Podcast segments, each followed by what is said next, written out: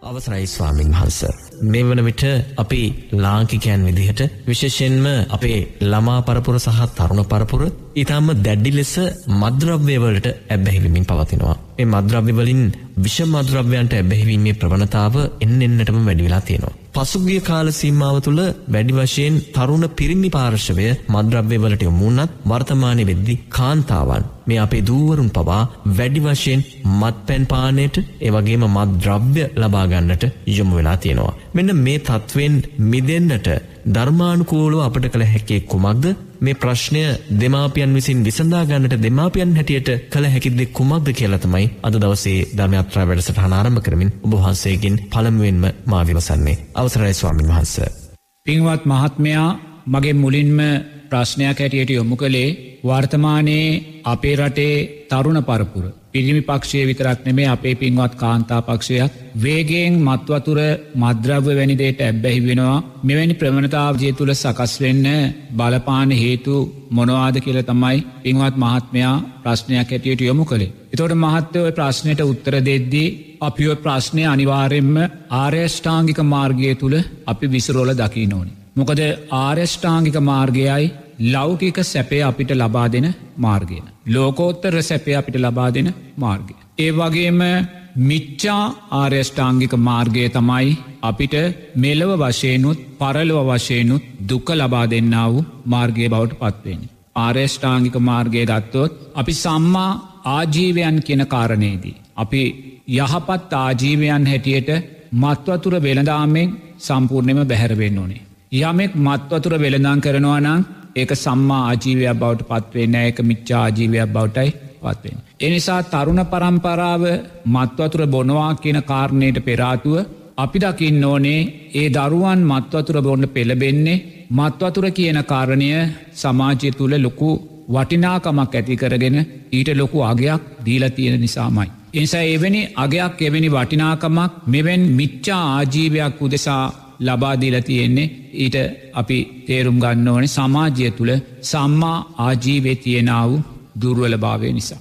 එනිසා මේ සම්මා ආජීවය දුර්වල වෙද්දී එක පැත්තකින් වසවිස වෙළදාම්ම ශක්තිමත් වෙනවා ඒවගේම මත්වතුර මත් පැන් ඔය වගේ මත්වෙන්න ගන්නාව අනිකුද්‍රව්‍යයන්ගේ සීග්‍රවර්ධනයක් සමාජය තුළ සිද්ධ වෙනවා මද්‍රාවිවලට සම්බන්ධ මත් වතුරෝල්ට සම්බන්ධ මේ දේවල් මේසා වේගේෙන් සමාජය තුළ ප්‍රචලිත වෙන්න කියන කාරණයේදී අපි මුලින්ම දකි නෝනේ අපේ රටේ පාලක පින්වතුල්ලාගේ තියෙනා වූ ඒ වැරදි දැක්ම සම්මා දැක්මෙන් තොර මිච්චා දැක්ම තමයි මේ කාරණය මුදුන් මුල බවට පත්වෙලා තියෙන. එනිසා ජනතාව විසින් තමන්ට නායකෙක් තමන්ට පාලකෙක් අපි තෝරල පත් කරගන්නේ නිරේතුරුවම මේ පාලකයා අපිට වඩා හිතන්න දක්ෂ කෙනෙක් අපිට වඩා දැනුමෙන් බුද්ධියෙන් ප්‍රඥාවෙන් දක්ෂ කෙනෙක් එවැනි කෙනෙක් තමයි අපි පාලකින් හැටියට තෝරලා පත් කරගන්න. නමුත් ඇත්ත වශයෙන්ම අද පාලකින් කියන පින්වතුල්ලා අපිට පේනවා ජනතාවට වඩා බොහෝම දුර්ුවලාකාරයෙන් හිතන්න පතන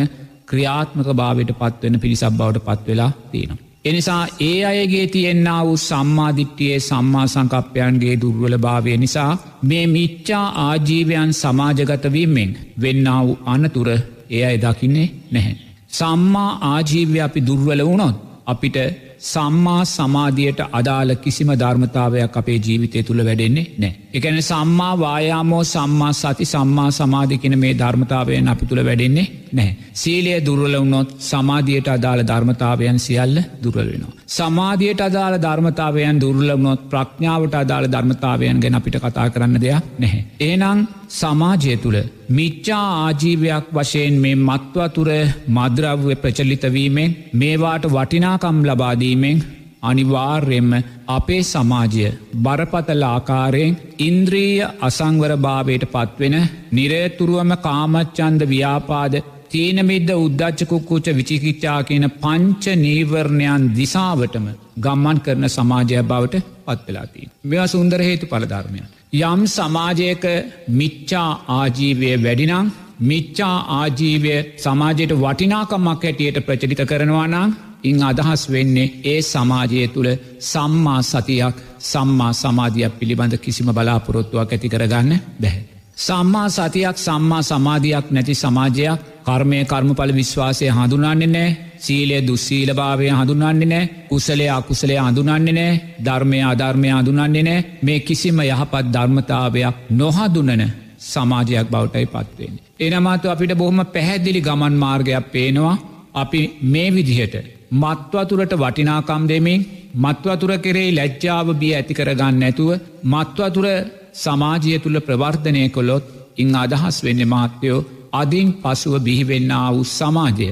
සම්මා සතියෙන් තොර සම්මා සමාධියෙන් තොර සමාජයක් බවට පත්වෙනවා කියලා. ඒ කියන්නේ දවසින් දවසම මේ උතුම් සම්මා සම්බුද්ධ ශාසනය අර්ථයන් මේ උතුම් චතුරාර් සත්‍යය අර්ථයන් දුර්වල වෙන හීන වෙන දිසාවකට ගමන් කරනවා කියෙන කාරණය. මොකොද අපි සෑම මොහොතකම අපේ ජීවිතයට අපි සැපසොයන් උත්සාහගන්නේ. අපේ ජීවිතයට අපි සතුට සොයන්න උත්සාහගන්නේ. අපේ ජීවිතයට අපි විනෝදය සොයන්න උත්සාහගන්නේ. පිංහතුනි ධර්මමාර්ගය තුළින් නෙවේ. අපේ ජීවිතයට සැපසොයන්න විනෝදය සොයන්න අපි උත්සාහගන්නේ නිරේතුරුවම සිල්පද බිඳිමි. තුෂ්නාව වඩමින් අවිද්‍යාව තව තවත් මොහත් කරමින්. එනිසාපි අවසානය සැපය කියලා අපේ ජීවිතයට එකතු කරගරන් තියෙන්නේ අප්‍රමාණ දුකක්මයි.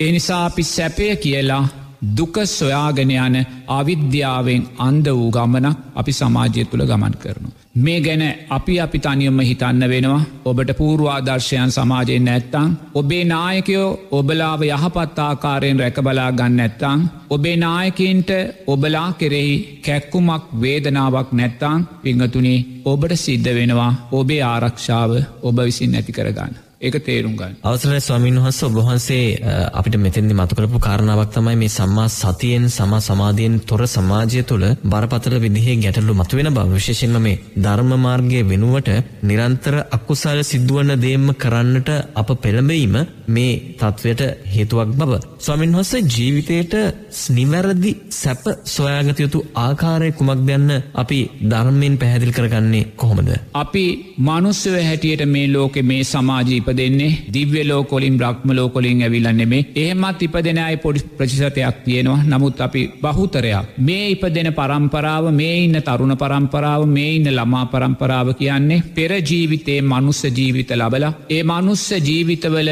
පින් සහ පව් කරලා තුෂ්නාපච්චයා උපාදානං උපාදානපච්චයා බවෝකෙන ධර්මතාවය තුළ පටිච්ච සමුපන්නව අපි නැවත මනුස්්‍ය වෙලා ඉපදෙනවා. ඒ නිසා අපි සෑම කෙනෙක් පිටිපස්සෙම අතීත සංස්කාරයන්ට අදාළ දැනීම් තියනවා. එනිසා අපි සෑම දරුවෙක්ම තමන්ගේ දැනීම් සකස් කරගන්නේ තමන්ගේ අති තක්සල් සංස්කාරයට අදල් කුසල් ලෝ වේවා අකුසල් වේවා. එතොට අපි තේරුම් ගන්න ඕනේ සෑම දරුවෙක් පිටිපස්සෙම අකුසල් සංස්කාරයන් තියෙනවනම් ළමා වයසෙදිම දෙමාපියන් හැටියට දක්ෂ වෙන්න ඕනේ ඒ දරුවන්ගේ අකුසලේ යටපත් කරලා. කුසල්ලය මතු කරගෙන මේ අනාගත අභියෝගයන්ට මුන්නදීමේ ශක්තිමත් දරුවෙක් බවට ඒ දරුවා පත් කරන්න. ඒ අම්මතාත්තක යුතුකම.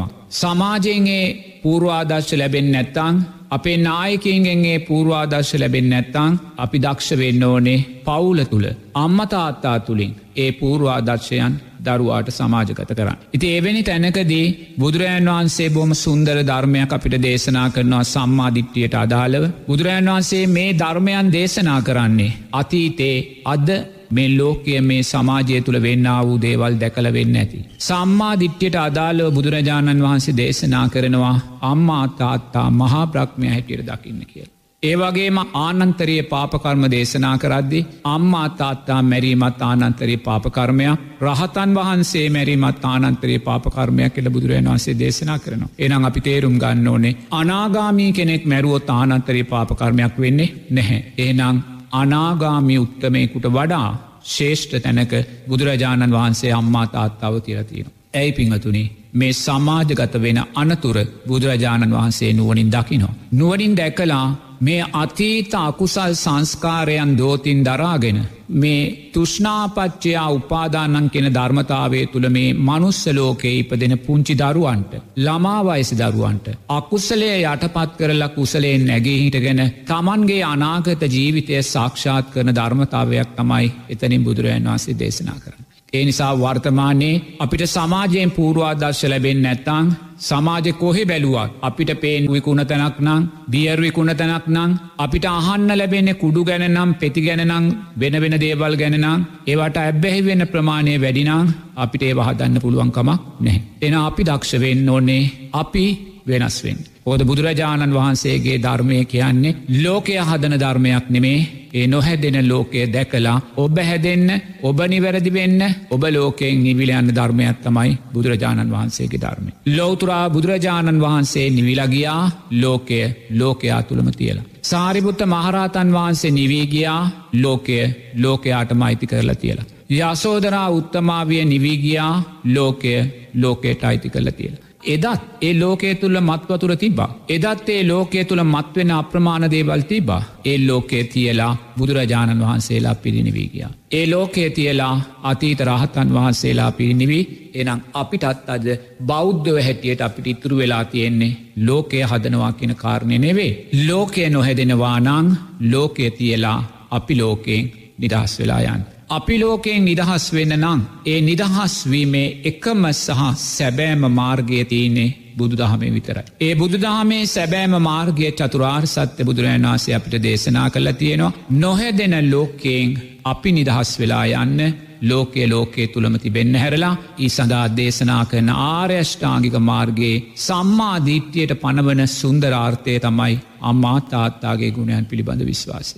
එනිසා ඔබට අවශ්‍යනං මේ වියරු බියකරු මේ සදාචාර සම්පන්න භාවය දවසින් දවස දුර්වලවෙන මේ සමාජය උපයෝගී කරගෙන ඔබට ලෝකෙන් නිවිලයන වැඩසටහනකට යන්න ඕන්නෙ නං සමාජයේ ලෝකෙ වෙන දේ ඔබ අදාළ කරගන්න ඕනේ නැහැ. එනිසා ඔබ දක්ෂ වෙන්න බුදුරජාණන් වහන්සේට අදාලෝ ලෝකෙ මතු කරගන්න. ආර්යෂ්ඨාංගික මාර්ගයට අදාලෝ ලෝකය මතු කරගන්න. එතනද යන්න ඔබ දන්නවා. අම්ම තාත්තල දෙමාපියන් දන්නවා බුදුරජාණන් වහන්සේ දේශනා කළ තියෙනවා. අම්මා තාත්තා මහා බ්‍රක්්මේක් අම්මා තාත්තා අනාගාමී ගුණයන්ට වඩා ශේෂ්ඨ වූ දෙපලක් කියලාන බුදුරන් වහන්සේ දේශනා කළතින. අන්න දැන් අම්මතාත්තට පුළුවන් තමන්ගේ දරුවට මේ උතුම් ධර්මය කියල දෙන්න. නමුත් අපේ අම්මල තාත්තලෙව කියල දෙන්නේ නැහැ. මගේ අම්මා තාත්තා කවදක්වත් මට කිව්වෙ නෑ පුතේ අම්ම තාත්ත කියන්නේ මහ බ්‍රක්්මයක් කියලා. මගේ අම්ම තාත්ත කවදාකොත් මට කිව්වෙ නෑ පුතේ අම්ම තාත්තා කියන්නේ අනාගාමී උත්තමයකුට වඩා ශේෂ්ඨ දෙපලක් කියලා. එහෙම නොකිව්වේ ඒ අයවත් ඒක දැනගෙන හිටියේ නැහැ. මේ ධර්මයාත්‍රා වැඩසටහන ශ්‍රවණය කරන පින්වත් ඔබේ හද සාක්ෂිට තට්ටු කොල්ලහන්න. ඔබේ අම්ම තාත්තා අතීතේ දැම් වර්තමානය නමයව දන්න හින්ද කියනවා. නමුත් අතීතේ ඔබේ අම්ම තාත්තා ඔබට කිව්වද උතේ අම්ම තාත්ත කියන මහා බ්‍රක්්මයක් කියලා. අම්මා තාත්තා කියන අනාගාමී ගුණයන්ට වඩා ශේෂ්ඨ උත්තමයන් දෙපලක් කියලා ඔබේ අම්ම තාත් ඔබට කිව්වද කිව්වෙ නැහැ. ඒ අම්මා තාත්තා නොකිවේ දැනගෙන නොකිව්ව නෙමේ ඒ අයවත් ඒක දැනගෙන හිටියේ නැහැ. නමුත් ඔබලා සද්ධර්ම ශ්‍රවණය නිසා ධර්මය නුවනින් මෙනෙහි කිරීමට ඇති දක්ෂභාවය නිසා අද ඔබලා දන්නවා අම්මා තාත්තා මහා බ්‍රක්්මීන් දෙපලක් කිය. අම්මා තාත්තා අනාගාමී උත්තමයකුට වඩා ශේෂ්ටයි කියලා. මම මේ කතාව කියද්දි මටමතකයි එක්තරා තරුණ මහත්තෙක් ඇව්වා. අම්මා තාත්තා රහතන් වහන්සේ කියෙන ගුණයන් තියෙන කෙනෙක් අනාගාමී උත්තමය කියන ගුණයක් තියෙන කෙනෙක් කියලා බුදුරන් වහන්සේ කොතනද කියලා තියෙන කියලා. එතන බුදුරන් වහන්සේ කොතනකොත් කියලා නැහැ. බුදුරන් වහන්සේ අම්මා තාත්තා මහා බ්‍රක්්මයා කියලා කියලා තියෙනවා. නමුත් අම්මා තාත්තා රහත් ගුණයන් තියෙන අනාගාමී උත්තමෙකුට වඩා ශේෂ්ඨ කෙනෙක් කියලා කොතනකොත් තිනවා මන් දැක්කේ නැහැ. නමුත් අපි දක්ෂ වෙන්න ඕනේ සූත්‍රගත ධර්මය තිබ්බද නැද්ද කියන කාරණය නෙමේ අදාළ වෙන්න එතනදී. ධර්මය නුවනින් මෙනෙහි කිරීම. ධර්මය නුවනින් මෙනෙහි කරද්දී ඔන්න අපි දකිනවා. අම්මා තාත්තා මැරීමත් ආනන්තරයේ පාපකර්මයක් රහතන් වහන්සේ මැරීමත් ආනන්තරය පාපකර්මය. එනම් අම්මා තාත්තාත් රහතන් වහන්සේත් එකම තැන බුදුරන් වහන්සේ කියලතින. නමුත් අනාගාමී උත්තමෙක් මැනී මානන්තරයේ පාපකර්මයක් නෙමේ. ඉන්න අදහස් වෙන්නේ අම්මා තාත්තා අනාගාමී උත්තමයකුට වඩා ශේෂ්ඨ තැනක බුදුරජන් වහන්සේ තියලතින. නමුත් මේ ධර්මයන් දරුව දන්නේ නැහැ. දරුවන්ට දැනගන්න විදිහක් නෑ අම්මතාත්තල දන්නෙත් නැහැ. නමුත් අද ඔබ දන්නවය උතුම් ධර්මයන්. එනිසා ඔබේ දරුවාට ඔබ කියල දෙන්න. ඔබ ලැජ්ජවෙන්න එපා. දැන් මම භික්ෂුවක් ඇටියට විවෘතව කියනවා. පුතේ අම්මා තාත්තා කියන මහා බ්‍රක්්මයින් දෙපලක්. අම්මා තාත්තා කියන්නේ උතුම් අනාගාමී පලයට පත්වෙච්ච කෙනාට වඩා ශේෂ්ඨ කෙනෙක් ඇයි මං එහෙම කියන්නේ බන්තුල සම්මාධිත්‍යය තියෙනවා. මම සම්මා දිට්්‍යය තියෙන නිසා බුදුරජාණන් වහන්සේ දේශනා කලා වූ මේ ධර්මය සමාජගත කරන්න මට බියක් හෝ ලැජ්ජාව නැහැ. නමුත් ඔබට ලැජ්ජනං ඔබට බියනං ඉන් අදහස් වෙන්නේ ඔබ සම්මාධිත්‍යය දුරුලයි කියෙන කාරණය එක තේරුම් ගන්නවා. එනිසා ඔබේ දරුවා ළඟට අඩගහලා ඒ දරුවාට කියන්න. ද අපි පුංචි කාලෙ මගේ අම්මගේ මං අහලතින ආම කතන්දරයක් කියන්න කියලා. මගේ ආච්චිට කියලතින ආච්චේ කතන්දරයක් කියන්න කියලා. ඒ අම් ආච්චි අපිට හැමදාමත් කිව්වේ පුතේ තොප්පි වෙලෙන් දෙක් හිටිය. ඒ තොප්පි වෙලෙන්ද මෙහෙම කැලේ තොප්පි අරංගියා බඳුරොටික තොප්පිටි කාරම් පැල්ලගිය ඔය කතාතුමකි.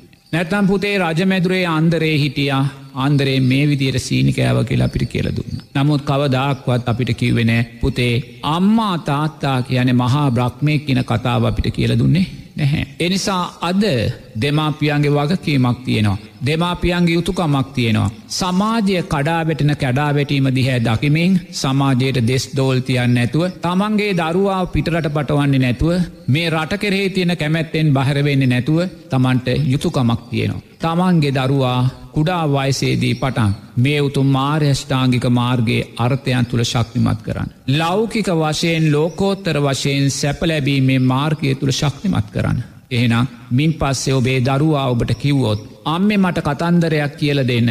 ආච්චිය මට කතන්දරයක් තාත්තෙ මට කතන්දරයක් කියල දෙන්න කිව්වොත් ඔබායිමත් ඔප්පි වෙලෙන්දගේ කතාව කියන්න යන්න එපා. ඔබායිමත් අන්දරේ සීනිකාපු හැටි කියන්න යන්න එපා. ඔබ කියල දෙන්න. පුතේ අම්මා තාත්තා කියන්නේ මහා බ්‍රක්්මේක්. පුතේ අම්මා තාත්තා කියන්නේ අනාගාමී උත්තමයකුට වඩා ශේෂ්ඨ කෙනෙක් බුදුරජාණන් වහන්සේ පනවලතිීන. අවසරයි ස්වාමින් වහන්ස වර්තමානය ඇති බොහෝ ප්‍රශ්නවලින් දරුවන් මුදවාගන්නට හැක්කේ දෙමාපියන්ටම පමණක් බව වහන්සේගේ දේශනාවෙන් අපට මනාව පැහැදිලි වෙනවයි වගේම අම්මා සහ තාත්තා දෙදෙනා ලොතුරා බුදුපාණන් වහන්සේ මහා බ්‍රහ්මයට සමාන කරන්නේ ඇයිද කියන්න කාරණාව පිළිබඳව තවදුරටත් පැහැදිලි කරගත්තොත් හොඳයි කියලා මං විශ්වාස කරනවා අවසරයි ස්වාමින් වහන්ස. ඔබලාගේ ඇස්වලින් කවදක්වත් ඔබට මහා බ්‍රහ්මය දකින්න බැහැ. ඔබට අනාගාමී උත්තමෙක් දකිනත් බැහැ. නමුත් බුදුරජාණන් වහන්සේ ඔබට පැහැදිලි මහා බ්‍රක්්මය පැහැදිලි අනාගාමී ගුණේට වඩා ශේෂ්ඨ ගුණයක් ඔබේ ගෙදෙට ගෙනත් දීලතිනවා. ඒ ගෙනත් දීලතින්නේ පුතේ ඔබට පින් කරගන්න. ඔබට කුසල් වඩාගන්න. ඔබේ ජීවිතයේ පිටිපස්සේ අකුසල් තියෙනවා. එනිසා පුතේ ඒ අකුසල් ඇනීම් සකස් වුනොත් ඔබේ ජීවිතය විනාස වෙන්න පුළුවන්. ඔබේ අධ්‍යාපනය විනාස වෙන්න පුළුවන්. ඔබේ අනාගතයේ විනාස වෙන්න පුළුවන්. ඔබ අනාගතයේ හිරගෙදරක බන්ධනා ගාරගතරක ඉන්න කෙනෙක් බවට පත්වෙන්න පුළුවන්. එනිසාපුතේ ඔබ දක්ෂ වෙන්න. ඔබේ අම්මා තාත්තා මහා බ්‍රක්්මයා කියල දකින්න. ඔබේ අම්මා තාත්තා උතුම් අනාගාමී ගුණයන් තියන කෙනෙක් හැටියට දකින්න. දැකලපුතේ අම්මා තාත්තාට උපස්ථානය කරන්න සලකන්න ක්‍රීකරු වෙන ගරු කරන්න. ඒ අය සතුටු කරන්න. ඒ අයි සතුටු කරද්දේ මහා බ්‍රක්්මයා සතුටු කිරීමේ ගුණ ඇති වෙනවා. බලන්න කොච්චර සුන්දර කතාවක්ද කියලා. නමුත් මෙවැනි සුන්දර කතාවන් අපි දරුවන්ට කියන්නේ නැහැ. ඇයි අපි ලැජ්ජයි එක්කො බයයි එක්කො සැකයි ඒ බය සැක ලැජ්ජාව අපිට ඇතිවෙන්නේ අපේ සම්මාධීත්‍යය දුරුවලයි. එනිසා ඒ සම්මාධිට්්‍යයේ දුර්වල භාවයන් යට කරගෙන. ඔබේ දරුවාට මේ කතා කියල දෙද්දී දරුවා මේ දේ තේරුම් ගන්නවා. ඒ නිසාම අම්මතාත්තට ආකීකරුවෙන්නේ නැහැ. අමතාතට උපස්ථානය කරන අම්මතාත කැමති දේ කරන අමතාත සතුටු කරනවා. ඒ නිසා මේ දරුවාගේ පිනේ ශක්තිය වැඩෙනවා. ලදරු පාසලේ ඉදම් මෙයාගේ පිනේ ශක්තිය වැඩෙනවා. එයා පාසල් ජීවිතේ නිරේතුරුව මෙයාගේ අධ්‍යාපන කටයුතු වේවා ක්‍රීඩා කටයුතු වේවා පොදු කටයුතු වේවා ඒවැයි බොහොම්ම ක්‍රියාසීලවයා නිරත වෙනොයයි පින වැඩෙනවා. ගෙදර පන්සලක්කයාගේ. ගෙදර මහා බ්‍රක්්මයා ඉන්න පන්සලක්. ගෙදර අනාගාම්‍ය උත්තමයකින්න ප්‍රංසලක්. එනිසා ඒ දරුවා දක්ෂයි ගෙදර පන්සල තුළින් තමාගේ අකුසල් යටපත් කරලා කුසලේ මතු කරගන්න. එනිසායා පාසල් අධ්‍යාපනය සාර්ථක නිමා කරනවා. පාසල් අධ්‍යාපන නිමා කළේ උසස් අධ්‍යාපනය ලබනවා. ඒත් එයා අම්මා තාත්තා මහා බ්‍රක්්මයා කියන ධර්මතාවය ජීවිතෙන් බැහැර කරන්නේ. අම්මා තාත්තා අනාගාමය උත්තමය කියන ධර්මතාවයා ජීවිතයෙන් බැහැර කරන්නේ. එය අමතාත්තට කීකරුභාවෙන් එයා උසස් අධ්‍යාපනය ලබනවා. අම්මතාත්තට කීකරුභාවෙන් එයා විවාහයක් කරායනෝ. එයාගේ ජීවිතයා සාර්ථ කර ගන්න. එහෙම උනානං මත්වතුර පිළිබඳවත් මද්‍රව්‍ය පිළිබඳවත් එයාට ප්‍රශ්නයක් නැහැ. මුළු සමාජෙම මත්වතුරෙන් පිරුණත් ඒ දරුවාට ඒක ප්‍රශ්නයක් නැහැ. මොකදයා මිච්චා මාර්ගය තුළ ගමන් කරපු කෙනෙක් නෙමේ. එයා ළමා වයසේදීම ලදරු පාසල් වයසේදීම සම්මා මාර්ගයට යායේ අම්මතාත්ත ගත්තා. එන බලන්න සමාජය කොයිසා විකෘතියක් වුණත්. ඒ විකෘති අපිට පාලනය කරගන්න බැරිනම්. ඒ විකෘතිය අපිට නිවැරදි කරගන්න බැරිනං අපි දක්ෂ වෙන්න ඕනේ ඒ නිවැරදි නොවන විකෘතිය තුළ අපි ප්‍රකෘතියක් බවට පත්වෙන්. එනිසා අපි නායකන්ට දොස් කිය කියා නායකන්ගේ අකුසල් නිසාපි අකුසල් කරගන්න කාරණය තේරුමක් නැහැ. එනිසා ඔබ දක්ෂ වෙන්න ඔබේ දුවට ඔබේ පුතාට අලුත් කතාවක් කියල දෙන්න. ඒ දරුවට කියල දෙන්න කර්මය කර්මඵල විශ්වාසය ගැන. පුතේ යහපත් දෙයක් කළොත් යහපත් විපාකයක් තියෙනවා අයහපත් දෙයක් කළොත් අයහපත් විපාකයක් තියෙනවා. පුතේ කවදක්වත් මත්වතුර නම් බොන්න එපා. කවදාක්වත් පාප මිත්‍රියෝනං ආශ්‍රය කරන්න එපා.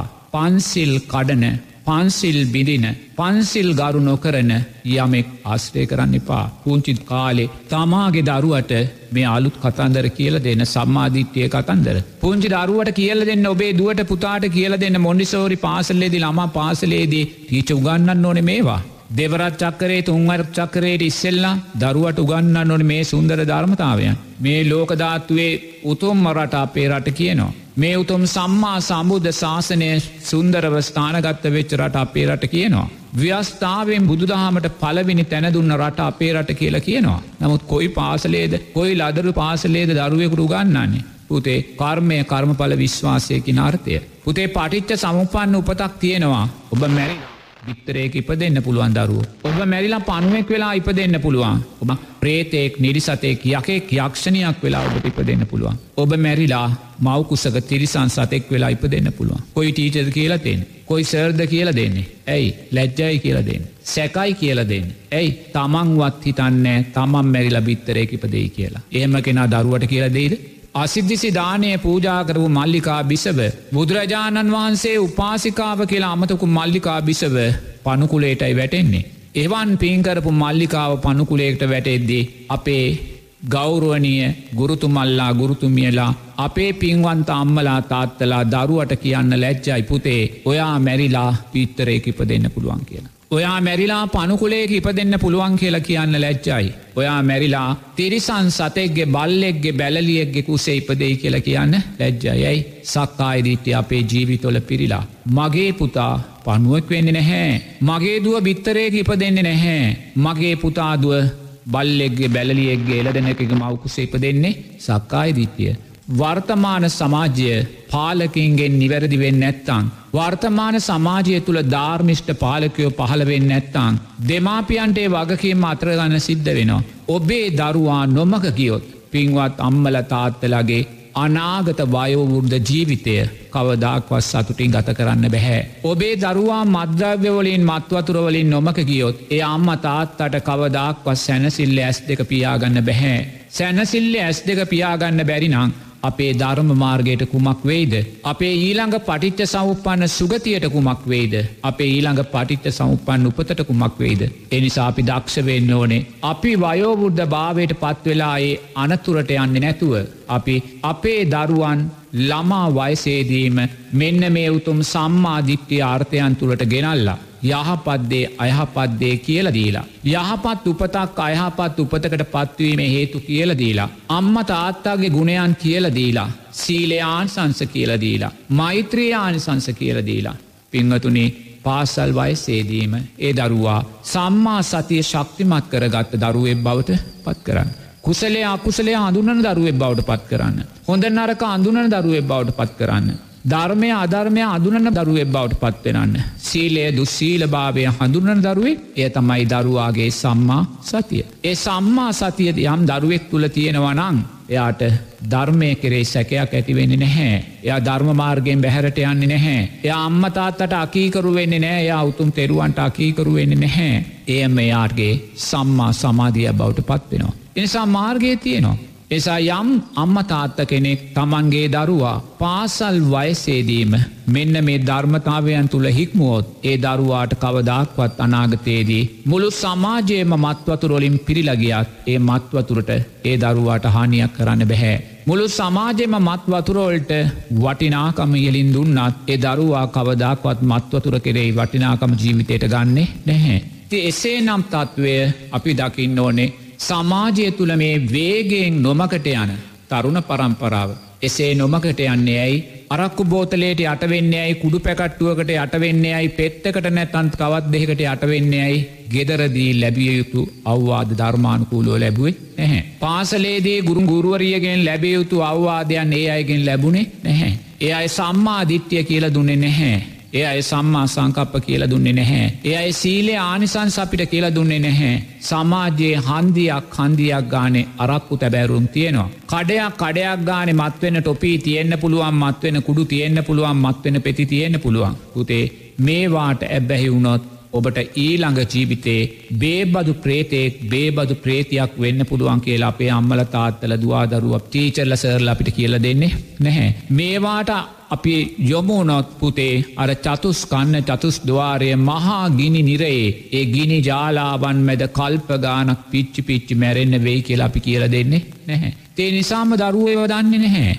නොදන්නා භාවයට නරක ආශ්‍රයන් තුළින් ඒගොල්ලො මේ දේවල්ලොල්ට ඇබ්බැහි එනිසා අපිට මාත්‍යයෝ දරුව කොතනට සමාජ නොමග හිල්ල හිටියත් ඒ දරුවන්ට නම්මං එක ඇගිල්ලක් වදික් කරන්නේ නෑමොකද මමත් දරුවෙක් ඇටියට මමත් තරුණෙක් ඇටියට නොමගගී අවස්ථා ගොඩක් තිබ්බා. ඒ නොමගගිය එකම අවස්ථාවකොටවත් එදා මම වග කියයුතු නෑ ඒවට වග කියයුත්ත වැඩි හිටියන් මයි පාලකින් මයි මයි. ඊට වග කියයුත්තේ දෙමාපියන් මයි. මොකද දෙමාපියන් වැඩිහිටියන් ගුරුවරුන් අපි සියලු දෙනෙක්ම අපි දුවන්නේ තුෂ්නාව පස්සේ. තුෂ්නාව පස්සේ දුවනවනං එහි ප්‍රතිඵලය වෙන්නේ දුකමයි අපිට සැපක් බලාපොරොත්තු වෙන්න බැහැ. එනිසා ඔබ දක්ෂ වෙන්න සමාජයෙන් යහපත බලාපොරොත්තුවෙන් නැතුව. සමාජයෙන් නිවැරදිභාවය බලාපොරොත්තුවෙන් නැතුව. දවසින් දවස මිච්චා ආජීවය සමාජගත කරන. මිච්චා ආජීවයට වැඩි වටිනාකම් දෙන මේ සමාජය තුළ සමාජය කරේ විශ්වාසය නොතියා නායකින් කරේ විශ්වාසය නොතියා ඔබේ දරුවාට ඔබේ දියනියට ඔබේ පුතාට ඔබේ නිවසේදීම මේ උතුම් ධර්මයන් කියලදීලා මේ අනාගත අනතුරෙන් ඒ දරුවන් මුදවාගන්න ඔබ පූර්වාදර්ශයේ ගුරුවරෙක් බවට පත්වෙන්න කියන කාරණය තමයි අම්ම තාත්තලට ඒ වගේම පන්තිකාමරේ ගෞරුවනිය ගුරුතුමල්ලා ගුරුතුමිල්ලාටත් බොහොම ගෞරුවෙන් මතක් කරන්න සිද්ධවේ. ස්වාමින් වහස්ස පසුගේ දවසක පුවත්පත් වාර්තා කළ තිබ්බා ලංකාවි මිනිස්සු වැඩිපුරම්ම නයාරගෙන තියෙන්නේ කෑමබීම සඳහා කියලා. මෙච්චර සස්ශ්‍රීක කෙත්වතු තියෙන බොහොම සරුසාර දිවයිනක ජීවත්වෙන්න අපි දැන් කෑමටත් නයාරගන්න පටන් අරගෙන. ඒතරක් නෙවෙයි පිටරටින් නයගත්තහම එක සතුටට කාරණාවක් බොට පත්වෙන්න තැනටම අපි ඇවිල්ලා. ස්වමින් වහන්ස දැන් මෙවැනි ප්‍රශ්නයක් අපි ධර්මානුකූලුව කෙසේද විසඳාගත යුත්තේ මේ ණයගන්නවා කියන එක සාමාන්‍යයෙන් කෙනෙක් නැතිනාස්සි වෙන්න බලපාන ප්‍රධාන කාරණාවක්. ලොතුරා බුදුපියාණන් වහන්සේගේ දේශනා තුළ මෙවැනි දෑ සඳහා අපිට කල හැක්කේ කුමක්ද කියලා අපි කැමති ඔබ වහන්සේගෙන් පැහැදිලි කිරීමක් කරගන්න. අවසරයි ස්වාමීන් වහන්සේ. පින්වත් මහත්මයා මගෙන් ඒ යොමු කරන්න ප්‍රශ්න මහත්තයෝ මේ ණය ගැනීම සම්බන්ධ ප්‍රශ්නයක්. ඒ ගැන මේ මොහොතේ අපේ රට අපේ රටේ ජනතාව ඒවගේ විශේෂයෙන් අපේ නායකයෝ නත්තල් උදා වෙලා වගේ සතුටකින් ඉන්නේ. මෙච්චර කාලයක් අපි දැක්කනෑ දේශපාලක්නය නායකින් තුළ හිනාවත්තිනවා. නමුත් අපිට දැන් පේනවා සුන්දර නත්තලක් උදා වෙලා වගේ හැමෝම බොහොම සතුටෙන් ඉන්න. ජනතාව රචින්න පත්තු කරන තැන්ට යන. මොකක්ද හේතුව. අපිට ජාතයන්තරයෙන් නය ලැබිලා. ඇත වශයෙන්ම අපේ ජීවිතේ නය පලවෙනි ගත් අවස්ථාවන වේකෝදර තේරුම් ගන්න නය ගැන කතා කරනකොට නය ගැනීමේ තින්න බරපතල පාවය ධර්මානුකූල අපි දකින්න ඕනි. දැ මං මහත්මයාගෙන් ඇවොත් මහත්වය මහත්වයාලා ඔය ජාතියන්තර මුල්ල අරමුදලෙන් කීපාරක් අපි අයගත්තද කියලා මහත්තයගේ සයිනස් දාසේ පාරක් ගත්ත දාත් පාරක් ගත්ත ඔය වගේ යයි. නවත් පිංහතුනේ මහපාරදිහැ බලන්න සමාජයේදිහැ බලන්න ලෝකයේදිහැ බලන්න කොයිසා බරාදින මනුස්්‍යයෝ අපේ රටේ ඉන්නවාද. පිටකොටුවට යන්න කොයිසා මුට්ට කරගහගෙන යන මනුස්්‍යයෝ අපේ රටේ ඉන්නවාද. දරන්න බැහැ අලගෝනිය කිලෝ පන්නහක් බරයි කිලෝ පණෑ බර අලගෝනි දෙකක් කරේතියාගෙන යන. ඇපල් පෙට්ටි තුනාහතර කරේතියාගෙන යනවා. අර දිග කරත් එකට ගෝනි දහයක් පහළුවක් පටෝලා ඕක තල්ලු කරගෙන යන. අතීතයේදී අපි දැකර රික්ෂෝ කියන අර කරත්ත අනේ මනුස්්‍යයෝ දෙන්නෙක් වාඩි කල්ලා මනුස්සේ ඇදගෙන යන හරකෙක් වගේ. මනුස්ස ඉඳගෙන ඉන්නවා කරත්තේ තවත් මනුස්සෙක් හරකෙක් වගේ ඒ බර ඇදගෙන යනවා. අපි දැක්ක අතීතයේ අද වාහන ලොරියෙන්නේ ඉස්සෙල්ලා මුළු රටේම තිබ්බේ ගොන් කරත්ත. හරක් දෙන්න බැඳල තනි හරක බැඳලා දෙයි හාමුදුරුවනි ඉස්සර පිටකොටුවේ ඉදං රාජකිරියට ලොරියාවෙන බඩු අරගෙන කරත්තට තමයි පිටකොටුවෙන් බඩු පැටව්වේ. තොර මේ ඇද්දෙ කවුද ගොන්නු. ඒවාගේ අපි හපුතලේ කන්ද අදින කරත්ත ගැන අපි කවි ලියනවල් අපි සිින්දු තියෙනවා අපි අහල තියෙන මොන සාදුකක් තියයි දැරුවේ. ඒ වගේම මේ විදිහට බරාදින සත්තු කොයිසා ලෝක ඉන්නවාද. මේ විදියට බරාදින මනුස්්‍යයෝ කොයිසා ලෝක ඉන්නවාද. බලන්නකො එක කෙනෙක් කෝටි ගානක් වටින වාහනේ පිටකොටු හන්දිය මැද්දෙන් අද්දී තව කෙනෙක් එලෝලු මුට්ට හතරක් කරතියාගෙන ඒ හන්දියම ගමන් කරන. ලෝකෙ ස්භාවයන් දෙකක්. ඒවගේ ඔබ සමාජයේ දිහැ බලන්න කොයිසා ණයගෙවන මනුස්්‍යය ඉන්නවාද තව. මෙහෙකාරකම් කරන ගුටිකාගෙන බැනගෙන බැනුම් අහගෙන අනුන්ට බැල මෙහෙවර කරන කොච්චර ඉන්නවාද. වලංහෝදල ජීවත් වෙන කානුව සෝදල ජීවත් වෙන අනුන්ගෙන් ගුටිකාගෙන අනුන්ට මෙහෙකරුව හැටියට ජීවත් වෙන කොච්චර නංඟඉන්නවාද. ඒවාගේම බලන්න.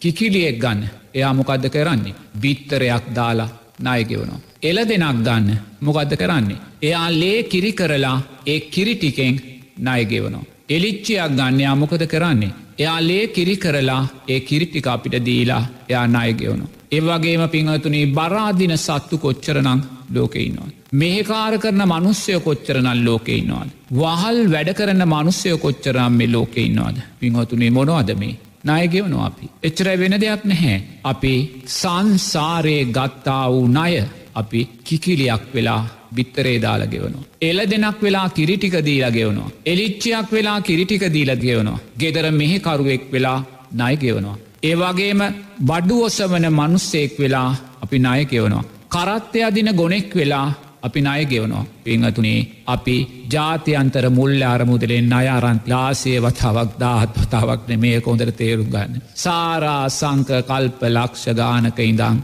අපි නයකාරයෝ. අදත් අපි ණය ගෙවනවා. අම්මල වෙලා දරුවන්ට අපි නයගෙවනු අදත්. ඒ නයකාරීත්වය කියන කාරණය සාරා සංක කල්ප ලක්ෂ ගානක් ඇඇත ඉඳං අපි පටිච්ච සමුපන්න වරං ඇවිල්ල තියෙනවා. නමුත් අපි ඒ නයකාරීත්වය දකින්නේ නැහැ. ඒ නිසාම අපි මේ ලැබුණ නයට රචින්න පත්තු කරලා ප්‍රීති වෙනවා. ගෙදර මෙහකාර දරුවත් රචින පත්තුක නොහු දකිින් නෑ දෙයනේ මංගෙ වන්න අයක් කියලා. බඩුස්සන නාටාමි මහත්මයත් රචින පත්තුක නොහු දකිින් නෑ මමගෙ වන්නෙත් නයක් කියලා. පින්වතුනේ මෙ අවිද්‍යාව නිසා. අපි කල්පසියක් කෝටි ගානක් නහගත්තාත් ඒ අය ගෙවමින් ජීවත් වනා තාමත් අපි ඒ ධර්මයන් දකින්න නෑ මේ ලැබුණ අය මුල්මනය හැටියට අපි දකිින්. එනිසා සංසාරයේ ඒසා නයකාරයෝ වෙලා අපි නයගේවනවා එනිසා අපි තේරුම් ගන්න ඕනේ ණය ගැනීම නෙමේ වටිනාකම ණය ගැනීමන මේ සතුටුවීමට හේතුව ඒ අය ගෙවා දැමීමයි කියන කාරණය අපි හොඳින් තේරුම් ගන්නවා. එනිසා ණය කියන කාරණය ගැන කතා කොල්ලොත් මේ සම්මා සම්බූධ ශාසනයේ අනේ පිට සිටුතුමාත් නයට දුන්න. අනේ පිට සිටුතුමාත් දුප්පත් ජනතාවට නැතිබැරි ජනතාවට සාධාරණ පොලියකට නය දුන්න. යමෙක් සාධාරණ පොලියකට නයි දෙනවනම් ඒක සම්මාජීවයක් බවටයි පත්වෙන එක මිච්චාජීවයක් නෙමේ. අපික වර්තමානයේ කවරු හරි සීයට පහකට සීයට දෙකට සීයට තුනකට සීයට එකට පොලිය දෙනවනම් ඒක කවදක්ත් මිච්චා ආජීවයක් බවට පත්වෙන්නේ නැහැ. නමුත් යමේ සීයට විස්ස සීයට තිහට සීයට හතලියට පොලියට දෙනවනම් ඒක අමුම්ම අමු මිච්චා ආජීවයක් බවටයි පත්වෙන. නමුත් අනේ පිටි සිතුතුමාත් නයි දුන්නා කුඩා පොලියකට. අවසානයේ උගාක් අයේ අය දෙන්නේ නැතුව ගියා. ණය පෙරලා ගෙව්වෙ නැහැ. ඇයි ණය පෙරල්ලා ගෙව්වෙ නැත්තේ. ඒ අය ණය පෙරලා නිෂ්පාදනයක් උදෙසා පෙරලා ආයෝජනයක් උදෙසා එගොල් යොමු කළේ නැහැ. ඒගොල ණය ගත්තේ පාරිභෝජනය උදෙසා. කන්න බොන්න ණයගත්තා සතුටු වෙන්න විනෝද වෙන්න ඇඳුම් ගන්න ණයගත්තා. ඒ නිසාම පෙරලා ණයගෙවින්මේ ආදාය මාර්ගයක් තිබේ ඒ නිසා අනේ පිරිසිත්තුමාට නයිදෙන් නැතුව ගිය. අනේ පිරිසිත්තුමා ධනයෙන් දුර්වල වෙනවා. මහා සංගරත්නයට දන් පූජා කරන්නත් බැරි තත්වටේනවා. ඊට පස්සේ ආයිමත් අනේ පිරිසිතුමා මේ තත්ත්වේ නයකරුවන් එක කතා කල්ල සාකච්ඡා කලාට පස්සේ ඒ අයි පෙරලා අය ගෙවන් අරගෙන අනේ පිරිස්තුමා නැවත වතක් ආර්ථික වශයෙන් ශක්තිමක් එනමාත්තු මේ සම්මා සම්බුද්ධ ශාසනය ණය දීමසා අය ගැනීම කියන කාරණය කවදාකත් ප්‍රතික්ෂේප කරන්නේ නැහැ. නමුත් සාධාරණ පොලියට. එනිසා ණයක් ගැනීම කියන කාරණය මහත්තයෝ කවදාක්වත් දුර්ුවල ක්‍රියාවක්වත් රිනාත්මක ක්‍රියාවත්වත් අප්‍රසාධ ජනක ක්‍රියාවක්වත් පත් වෙන්නේ ඒ කොඳින් තේරුම් ගන්නවා. මොකද අද වර්තමාන සමාජය අපේ සමාජය බැලුවත් ලෝකයේ දිහැ බැලුවත්. මහා දන කුවේරයෝ ඉන්නවානන් මහා ආර්ථික ශක්තියක් තියෙන ව්‍යාපාරිකයෝ ඉන්නවනම් ගෙවල් දොරවල් හදාගෙන ලස්සන්ට ජීවත් වෙන ඉන්නවනම් මේ හැම කෙනෙක්ම මහත්තයෝ ඒ තත්වට පත්වනේ බැංකුණයි තුළින්මයි. සාමාන්‍ය පුංචි තැනක ව්‍යාපාරිකයෙක් බැංකුව තුළින් නයාරගෙන සස්්‍රීක තැනකට ගියා. ඇයි එහෙම ගියේ ඒගොල්ලො ගත්තෙන් අය ආයෝජනය කලා මිසා කන්න බොන්න විනෝද වෙන්න සතුටු වෙන්න පසමිතුරන්ට දෙන්න කොමිස් අල්ලස් දෙන්න කවදක්වත් යොමු කළේ නැහැ. ගත්තෙන් අය ආයෝජනය කලා දැන් සමහරදාට මං ගිහි කාලෙ මටමතකයි මං කෙනෙකුට අඩගහනවා හිට වන්දනා ගමනක් යන්න තියනවා යන්නේ නොද කියලා. අනේ බෑ ලලි කඩේ වහන්න බෑ කඩේ වැැහුවොත් එම මට නයගෙවා ගන්න බැහැ. එයා කඩේ වහල වන්දනාව කියන්නේ නැහැ. එයා ව්‍යාපාරය වහලමන්නේ නැහැ. එයා ව්‍යාපාරය වහල දාන ගෙදර කියන්නේ නැහැ. ඇයි මට බැංකුණය ගෙවන්න තින. මට දවස් දෙක නිවාඩු දාලා ට්‍රිප් එක යන්න බැහැ. දවස් දෙක නිවාඩුවාල ට්‍රිප් එක ගියොත් මට බැංකුවෙන් අයගෙවා ගන්න බැහැ බලන්නකෝ. ණය කෙරේ තියන සතිය සිහිය. ණය කෙරේ තියන සතිය සිහිය කොච්චරද ශක්තිමත්ද කියනවනම් එයා තමන්ගේ ව්‍යාපාරි දවස් දෙකක් වහල කොහෙවත් යන්නේ නැහැ. අන්න නායකරේ සතියසිය. නමුත් අපේ රටේක තියෙනද අපේ නායකින්ට ඒක තියෙනවාද. අපේ නායකින් ණය දෙනකං කෙල හලහලා බලංගින්නේ ඒ ණයවලින් කොමිස් සැටියට වංචා දූෂණ හොරකං හැටියට ගන්න තියන ටික් ගන්නමයි. එක පෙරලා ආයෝජනයකට යොදන්නේ නැහැ. එක පෙරලා නිෂ්පාදනයකට යොදන්නේ නැහැ. ඒවා හුදු පාරිභෝජනය උදෙසාත් සමන් තමන්ගේ වංචා දූෂණ හොරකං උදෙසාත් ඒවා යොමු කොළොත් මහත්තයෝ බරපතල අනතුරක් කලා සමාජයන්. ඔබහන්සේ දේශනා කරන ආකාරයට මේ ණය ගැනීම කියන එක ගැටලුවක් නෙවෙයි. නමුත් ණය ගැනීමේ අපිට පේන යම්මාකාරයක ගැටලුවක්. ඒ ගැටලුව කුමක්ද එය විසඳාගතිතු ආකාරය කුමක්ද කියලා අපි ධර්මානුකූලව පැහැදිලි කරගන්නේ කෙසේද ස්වාමීන් වහන්සේ? ණය කියන්නේ සමාජයක දියුණුවක අත්‍යවශ්‍ය දෙයක්. ණයෙන් තොරව සමාජයක් දියුණු කරන්න බෑ. එහෙමනම් ඉතින් මුළු රට සියලු දෙයින් ස්වයංපෝෂිත රටක් බවට පත් වෙන්න ඕනේ. කිසිම දේශගුණික කාලගුණික විනාශයන් සිදු නොවන රටක් බවට පත් වෙන්න ඕනේ. කොරෝනා වැනි රෝග නැති සමාජයක් බවට පත් වෙන්න ඕනේ. එහෙමනම් ණයෙන් තොරව ඒ සමාජය ගොඩනැගෙන්න පුළුවන්. නමුත් එවැනි සමාජයක් අද ලෝකෙ කොතනකවත් නැහැ. නිසා අවශ්‍ය වෙලාවේදී කාලගුණික විපත්තියාකද දේශපාලන විපත්තියකද රෝගී විපත්තියකද ආර්ථික වැටෙන තත්ත්වයන් තුළ ණය ගැනීම සිද්ධ වෙනවා. එනිසා ඒක වැරදි ධර්මතාවයන් නෙමේ. එනිසා ප්‍රශ්න වෙලා තියෙන්නේ මේ ගන්න ණය සැබෑ ආයෝජනයකට නිෂ්පාදනයකට අපි යොමු කරන්නේ නැහැ හුදු සතුට හුදු පාරිභෝජනය හුදු ගසාකෑම උදෙසාමයි අද දක්වා යොමු කරන්නේ ඇයි සම්මාධිත්‍යය නෑ. අපේ පාලකයෝ හිතන්නේ නෑ මට කරත්තය අදින ගොනෙක් වෙන්න වෙයි කියලා. මං විවෘත්තව කියනවා අපේ රටේ ඕන තරන් දේශපාලක්ඥයෝ ඉන්නවා. අපේ රටේ ඕන තරන් නිලධාරීන් ඉන්නවා ඒ අය සංසාරයේ අනාගතය කැමති වෙන්න ඕනේ කරත්තය බඳින ගොනුම් බවට පත්වෙන. ඕකයි නය ඇත්ත කතාව.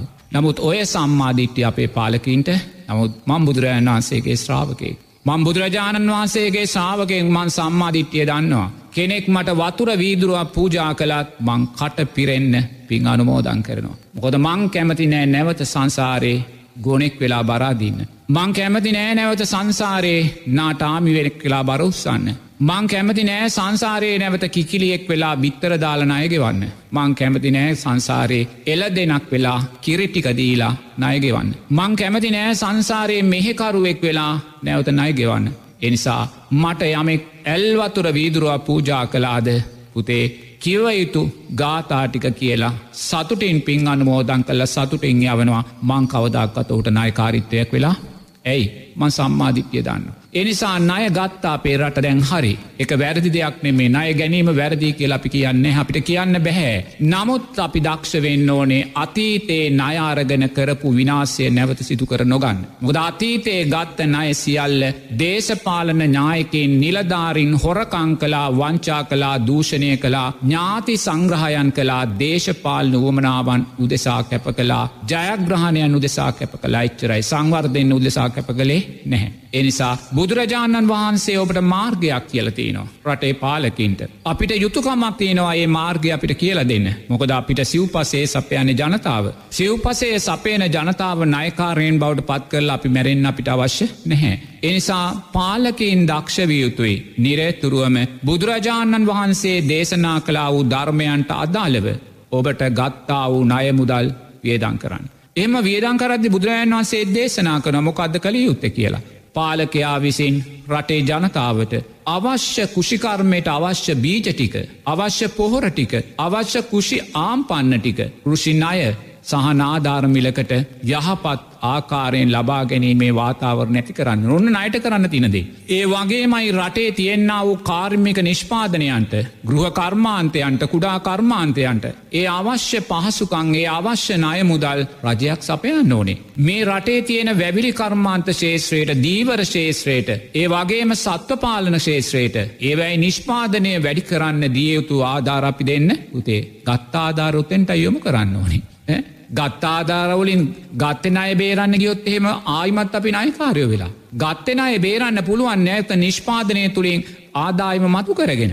ගත්තෙන අය ආයිමත් නය බේරන්න යනවනම් කවදක්වත් අපිට නැවත නැවත නයිවීමමයි අපිට සිද්ධ වෙන්න වෙන්. එනිසා මේ මාර්ගය තුළ යන්න. බුදුරන් වන්සේ මාර්ගයක් දේශනා කරනවා අය ගත්තොත් යායුතු මග ජනතාවට අවශ්‍ය පොහොර ටික දෙන්න ජනතාවට අවශ්‍ය බීජ ටික දෙන්න ජනතාවට අවශ්‍ය කුෂයාම් පන්න ටික දෙන්න. ඒවගේම සත්ව පාලනයට කුෂිකර්මාන්තයට වැවිලි කර්මාන්තයට දීවර කර්මාන්තයට අදාළ යටි පහතුකන් සකස් කල දෙන්න. එකොලට අඩු පොලියට අය දෙන්න. ඒගොලන්ට අවශ්‍ය සත්තු ටික ගෙනල්ල දෙන්න බීජ ටික ගෙනල්ල දෙන්න. අන්න නිෂ්පාදනයනවා. කාර්මික නිෂ්පාදනයනවා. ඒ වගේ අපෙන් අපනයන කරන්න උද්‍රව්‍යයන් අපෙන් වැඩි වෙනවා. ආදායම ගලාගෙන අන්න අපිට පුළුවන් අයගවන්න. අන්න ක්‍රමේ බුදුරජන් වන්සගේ ධර්මය තුළ තියෙනවා. නමුත් මේ ධර්මය සත පහකටවත් අපේ රටේ දේශපාලක්ඥ වහනේ නැහැ. එනිසා ණය ගත්තා හරි ණය වර්ණනා කරනවා නය කියන්න ශේෂ්ඨ දෙයක් හැටියට දකිනවා නයි කියන්න උතුම් දෙයක් හැටියට දකිනවා නයි කියන ජයග්‍රහණයක් හැටියට දකිනවා නමුත් එවැනි දැක්මන් තුළින් නයාරගෙන රචින පත්තු කරන්න ගියොත් මේ නයකාර මානසිකත්වය. අපි මේ ඔසවා තබන නයකාර මානසිකත්වය. අපි මේ ඉහලින් වර්ණනා කර මේ නයකාර මානසිකත්වය සමස්ත ජනතාවම තමගේ ජීවිතයවලට එකතු කර ගන්නවා. ගුල නයගන්න ලැජනෑ එතකොට. නයට බයනෑ පිට ලැච්චයි නයක් ගන්න කෙනෙගේ යම කිල්ලන්න මටනං හරිම බයයි. මං කවදාකත් ඉල්ලන්න නැත්නම් ඒක දරාගෙන අපි ජීවත්වෙනවා. නයට ගන්න බයයි. න ඉල්ලන්න බයයි. මොද දීගන්න බැරිවේද මොකක්ද කියලා මටනම් බයයි. නමුත් සමාජයට අපේ දේශපාලන නායකින්ට ඒදේ නැහැ. නමුත් දේශපාල නායකත්වය මේ රටේ මේ අය මේසා වර්ණනාත්මකෝ කතා කරද්දී. ජනතාව නයට බය නැහැ. ඒ වගේම ගත්තන අය නොගෙවා ඉන්න බයකුත් නැහැ. මොකද ඉහලින් පූර්වාදශ ලැබෙන්න්න අපිට ඒ විදිහට එහෙම වුණොත් සමස්ත ජනතාවම මේ නයකාරී මාන්සිකත්වය තුළ අපි බලවත් අනතුරක් කලාරං යනවා. එසා රජයකට කිසිම අයිතියක් නෑ තමන්ට චන්ද දුන්න ජනතාව ඊළඟ ජීවිතයේ බරාදුන ගොන්නු බවට පත් කරන්න. රජයකට කිසිම අයිතියක් නෑ තමන්ට චන්ද දුන්න ජනතාව ඊළඟ පටිච්ච සමුපන්න ජීවිතයේදී මුට්ට කරගහන නාටාමිල බවට පත් කරන්න. රජයකට කිසිම අයිතියක් නැහැ තමන්ට චන්ද දුන්න ජනතාව ඊළඟ ජීවිතේ මෙහෙකාර කරුවන් බවට පත්වෙලා ණයගෙවන තත්ත්වයට පත් කරන්න. එනිසා රජයකට යුතුකම්ම තියෙන්නේ. තමන්ට චන්ද දුන්න ජනතාව මෙලමත් සැපුවත් කරලා පරලෙව නැවත දිව්‍ය මනුස්ස සැප ලබාදීමට අදාළ සුන්දර ධර්මතාවයන් තුළ ශක්තිමත් කරන්න. නමුත් පාලකීට සම්මාධිට්ටිය නැහැ. ඒගොල්ලො ණය වර්ණනා කරනවා. නය ඔසවා තබනවා. නය ජයග්‍රහණයක් කියල දකිනවා. මේ අය ගන්න වනේ පෙර ණය යහපත් ආයෝජනයන්ට යොමු නොකළ නිසාය කියන කාරණය සමාජගත කරන්නේ නැහැ. සකළ යුතු කාරණය සමාජගත කරන්න නැහැ. සමාජ ගතකෙර යුතු කාරණය සමාජගත කරන්න නැතුව පිංහතුනේ ණයකාර මානසිකත්වයක් කරා සමාජය අරගෙන යනවා. ඒක බරපතල වැරදා. නයි ගැනීම වැරදක් කියලා කියන්නේ මෙමනි අවස්ථාවක නමුත් රජයක් දක්ෂවීතුයි මේ මෝතේ ගත්තා වූ ණය සැබෑ ලෙස ආයෝජනය කරලා. ඒ ණය ගැනීම තුළින් ගන්න තියෙන ශේෂ්ඨ පූර්වාදර්ශයන්. දෙන්න තියෙන ශේෂ්ඨ පූර්වාදර්ශයන් තමන්ගේ ජනතාවට දෙන්න.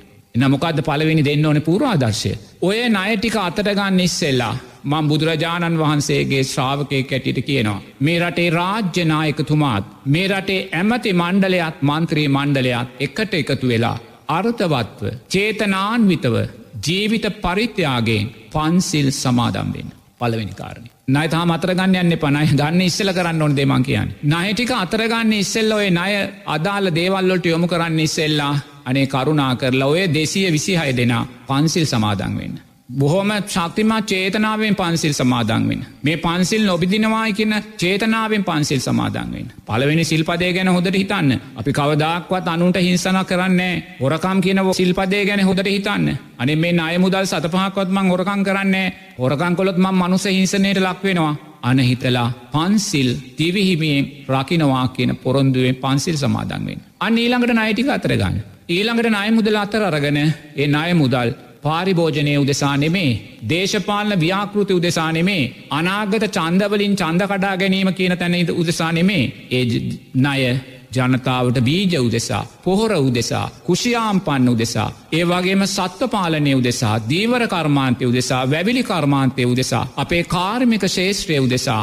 නිෂ්පාදන ශේෂත්‍රයේ සංවර්ධනය උදෙසා යොමු කරන්න. එතකොට ඔබ ගත්ත ණය සැබෑ ප්‍රතිලාභයන් උදෙසා යොමු කලා වගේම මේ රටේ නායකත්වය සමස්ත ජනතාවට පූර්වාදර්ශ දෙනවා. නයක් අරගෙන කොහොමදය සැබෑ ආකාරයෙන් කළමනා කරණය කරන්න කියලා. ගත්තේ නෑ කොහොමද ඔබේ ජයග්‍රහණයට යොමු කරන්න කියලා. ගත්තේ නෑ කොහොමද ආපසු ණය ගෙවලා නයකාරීත්වයෙන් නිදහස් වෙන නයකරුවෙක් බවට පත්වෙන්නේ කොහොමද කියන කාරණය පූර්වා දර්ශීව තමන්ගේ ජනතාවට කියල දෙන රජයක් බවට රජය පත්වෙනවා. නමුත් මම දන්නවා මේ දේවල් කිව්වත් මං මේ බණ කියන්නේ බීරි අලින්ට කියන කාරණය.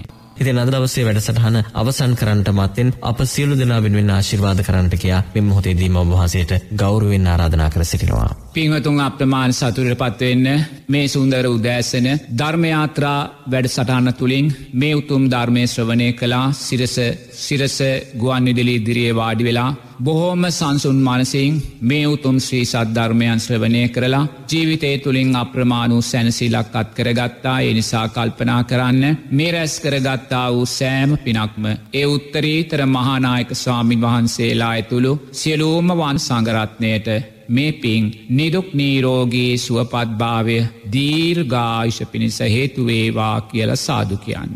ඒ වගේම මේ රැස්කර ගත්තා වූ උතුම් ධර්මදානමය පින් සිරස ගුවන් විදිලි ඉදිරියේ වාඩි වෙලා මේ සුන්දර ධර්මය ශ්‍රවණය කලා වූේ ලක්ෂ සංඛ්‍යාත අප්‍රමාණ පින්වතුල්ලාට ගම්වාසී රටවාසී සියලු දෙනාට මේ පින් නිදුක් නීරෝගී සුවපත්භාවය දීර්ගායිෂ පිණිසම හේතුවේවා කියල සාදු කියන්න. ඒ වගේම මේ රැස්කර ගත්තා වූ සෑම පිනක්ම කල්්‍යාන විත්‍රභාවෙන් උපකාරක ධර්මයන් සකස් කොටදුන්. පින්වත් සාරධ මහත්මයාට පින්වත් පුබුදු මහත්මයාට ඒ වගේම සිරසගුවන් විදිරියේ ප්‍රධානී සජිත්‍රත්නායක මහත්මයා ඇතුළුවේ කාර්ය මණ්ඩලේ සිරූම පින්වතුල්ලාට මේ පින් නිදුක් නීරෝගී සුවපත්භාවය දීර්ගාශ පිණිස හේතුවේවා සියලු දෙනාට උතුම් චතුරාර් සද්ධර්මයෝ දැකීමට මේ පින් උත්තම ශක්තියක් වේවා කියලා මේ සුන්දර උදෑසන පිංහතුල්ලාට මෙස්සිතිං ආශිරිවාද කරනවා සියලු දෙනාට තෙරුවන් සරණයි. සාධූ සාධූ සාධූ.